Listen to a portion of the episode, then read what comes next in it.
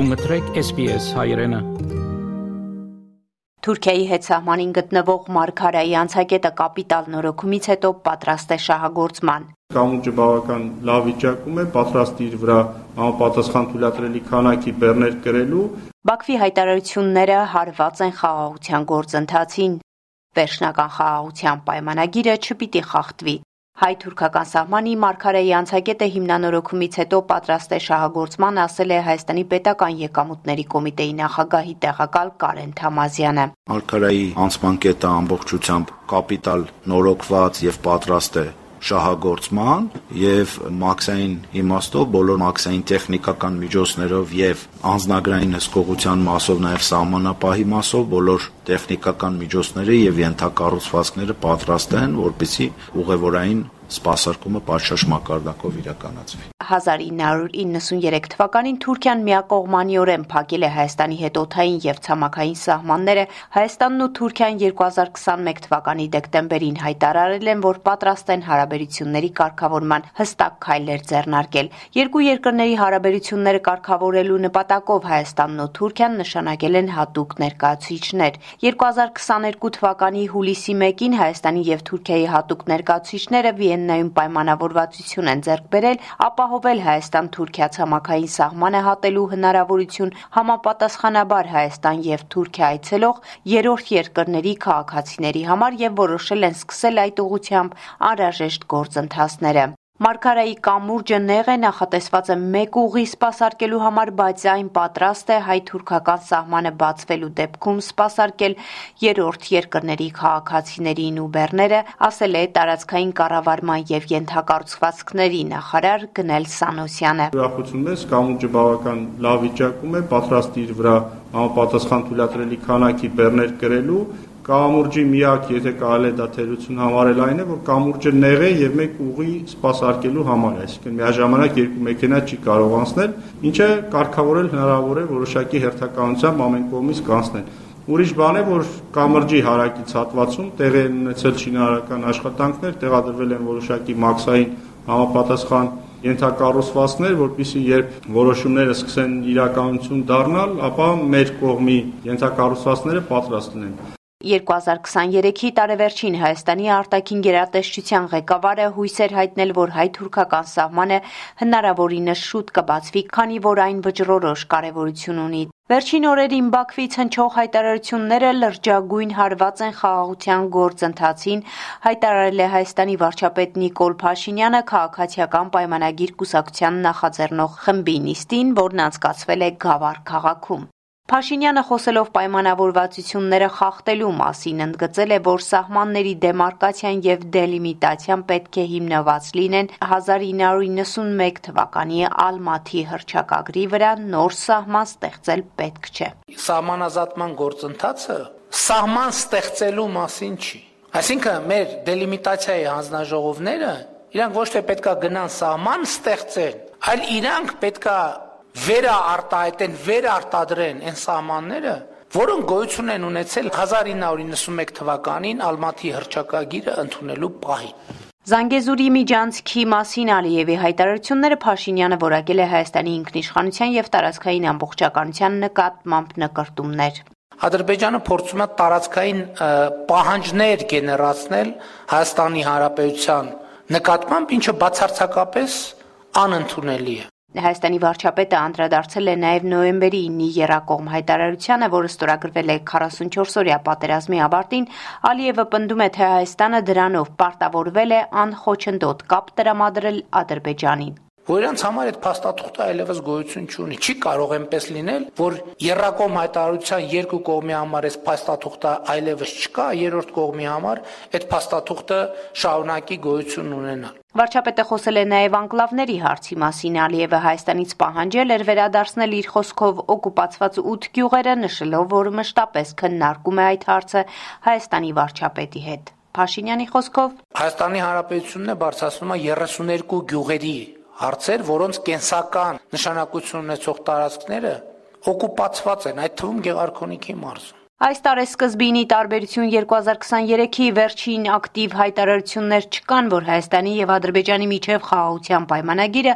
կարող է կնքվել օրերի կամ ամիսների ընթացքում։ Հայկական կողմը նույնիսկ արդեն խոսում է բանակցություններում հետընթացի մասին։ Անցած շաբաթ պաշտոնական այցով Երևանում գտնվող Հունաստանի Հանրապետության արտաքին գործերի նախարար Յորղոս Գերապետրիտիսը խոսելով Երևանի եւ Բաքվի բանակցությունների մասին ասել է, որ Հունաստանը հավատում է երկխոսությանը Հունաստանն ասում է 3 բառ, որոնք վերաբերում են այլ երկրներում եւ աշխարհում տիրող իրավիճակին՝ ժողովրդավարություն, դիվանագիտություն, երկխոսություն։ Ներգրաված կողմերը պետք է երկխոսության մեջ լինեն։ Հայաստանի խաղաղության խաչմերուկ նախաձեռնությունը շատ իրատեսական եւ արդար լուծում է, ասել է նա, նշելով, որ խաղաղ գործընթացը պետք է անդրադառնա կոնկրետ խնդիրների։ Հայաստանի արտգործնախարար Արարատ Միրզոյանը անդրադարձել է խաղաղության պայմանագրի շուրջ Ադրբեջանի հետ բանակցություններին, նշելով, որ տևական ընդմիջումից հետո Ադրբեջանը նոր առաջարկներ է ուղարկել։ Մենք ստացել ենք ադրբեջանական առաջարկները, հունվարի 4-ին կարծեմ արդեն մենք փոխանցել ենք հայկական առաջարկները հերթական։ Այո, ես կասեի, որ բովանդակային առումով ադրբեջանական առաջարկների մեջ մենք տեսնում ենք որոշակի հետընթաց որոշ հոդվածներով, տեքստի որոշ մասերով եւ որոշակի առաջընթաց մի քանի այլ ուղությամբ Հունաստանը հստակորեն հանդես է գալիս Լեռնային Ղարաբաղում քրիստոնեական սրբավայրերի պահպանման օգտին, ասել է Հունաստանի արտաքին գերատեսչության ղեկավարը։ Արցախի հարցը արցախցիների կոլեկտիվ վերադարձի հարցը չդնելը նշանակում է ական դնել տարածաշրջանի տակ նման կարծիք է հայտնում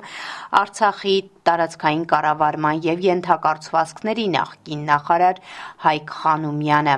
Արցախի ժողովրդի կողմից ընտրված մարմինները միջազգային ստատուս ունեն եւ նրանց հետ պարտավոր են նստել, խոսել, ասել է նա։ Մեծ հաշվով մի քանի մոտեցում կա, ավել մոտեցում չկա։ Տարածաշրջանում, եթե մենք ուզում ենք խաղաղություն լինի, եւ ադրբեջանական էլիտաները ունեն այդ պատկերացումները, ուրեմն պետք է Արցախը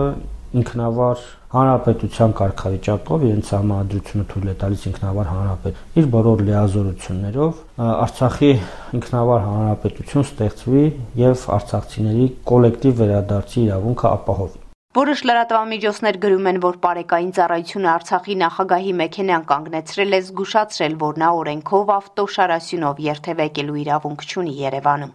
Արցախի վերջին նախագահ Սամվել Շահրամանյանի ավտոշարասյան հետ կապված միջադեպի մասին Հայաստանի ներքին գործերի նախարար Վահե Ղազարյանը ասել է. որ բարեկային ծառայը զգուշացել է, որ շարասյունով երթևեկելը իրավունք չկա։ Եվ ես ուզում եմ օգտվելով առիթից բոլոր մեր քաղաքացիներին հորդորում եմ, որ շարասյունով երթևեկել իրավունք չկա եւ իրավունք ունեն երթևեկել այն պաշտոնատար անձոնց, որոնց կառավարության որոշումով նախատեսված է շարասյուն ունենալը։ Նոր ծրագիր Լեռնային Ղարաբաղից բռնի տեղահանվածների համար պետությունը կաջակցի, որ նրանք ուսուցում ստանան եւ աշխատանք ձեռք բերեն։ Աշխատանքի եւ սոցիալական հարցերի նախարար Նարեկ Մկրտչյանն է ասել այդ մասին։ Ըստ էության մենք արդեն մտել ենք Լեռնային Ղարաբաղից բռնի տեղահանված մեր հայրենակիցների համար միջնաժամկետ ծրագրերի իրականացման փուլ եւ այս քննարկվող նախագիծը բովանդակությամբ ունի ինչպես մարդկային կապիտալի զարգացման, այնպես էլ զբաղվածության ծրագրի բովանդակություն։ Ծրագիրն ունի 3 բաղադրիչ։ Առաջի բաղադրիչը դա մասնագիտական ուսուցումն է, որից հետո 3 ամիս առնվազն պարտադիր աշխատանքի պայմանով, երկրորդի դեպքում վճարովի պրակտիկա, որից հետո պարտադիր աշխատանքի տեղավորում առնվազն 3 ամիս եւ երրորդ բաղադրիչի դեպքում բոլորը միասին մասնագիտական ուսուցում, վճարովի պրակտիկա եւ աշխատանք։ Սփյուռք 2023 թվականի դեկտեմբերի 14-ից 2024 թվականի հունվարի 15-ը Փարիզի նշանավոր Բաստիլի հրապարակում Փարիզի քաղաքապետարանի աջակցությամբ կազմակերպվել է Լեռնային Ղարաբաղ վտանգված հայկական ժառանգություն խորագիրը գրող բացօթյա ցուցահանդես, որի առանցքում Լեռնային Ղարաբաղի հայկական պատմամշակութային ժառանգությունը ներկայացնող 30 բացառիկ լուսանկարներն են հայտնում է Ֆրանսիայում Հայաստանի դեսպանությունը։ Հունվարի 13-ին ամենայն հայոց կաթողիկոս Գարեգին երկրորդը հայրապետական այցով մեկնել է Միացյալ Նահանգների Արևելյան ու Մեծ Բրիտանիայի եւ Իռլանդիայի հայոց թեմեր, վեհապարը հանդիպումներ կունենա թեմական կառույցների եւ Մայրաթոր Սուրբ Էջմիածնի բարերարների հետ քննարկելու Մայրաթորի կողմից իրականացվող ծրագրերը։ Հայաստանի ազգային ժողովը քննարկում է Հայաստանի կրթության, գիտության եւ մշակույթի նախարարության կողմից Հայաստանի պետական պարգևների ու պատվավոր կոչումների մասին օրենքի փոփոխությունների նոր նախագիծը, որով առաջարկում է չեղարկել Հայաստանի ժողովրդական արտիստի, ժողովրդական նկարչի, վաստակավոր արտիստի եւ վաստակավոր նկարչի կոչումները։ Այսքանը աստող շաբաթվա կարևոր իրադարձություններն SBS-ի համար ամփոփեց Գիտա Իլբեկյանը։ Կուզես լսել նման բանություններ, կընտրե Apple Podcast-ի, Google Podcast-ի, Spotify-ի վրա, կամ որտեղեն որ podcast-ը դուք լսես։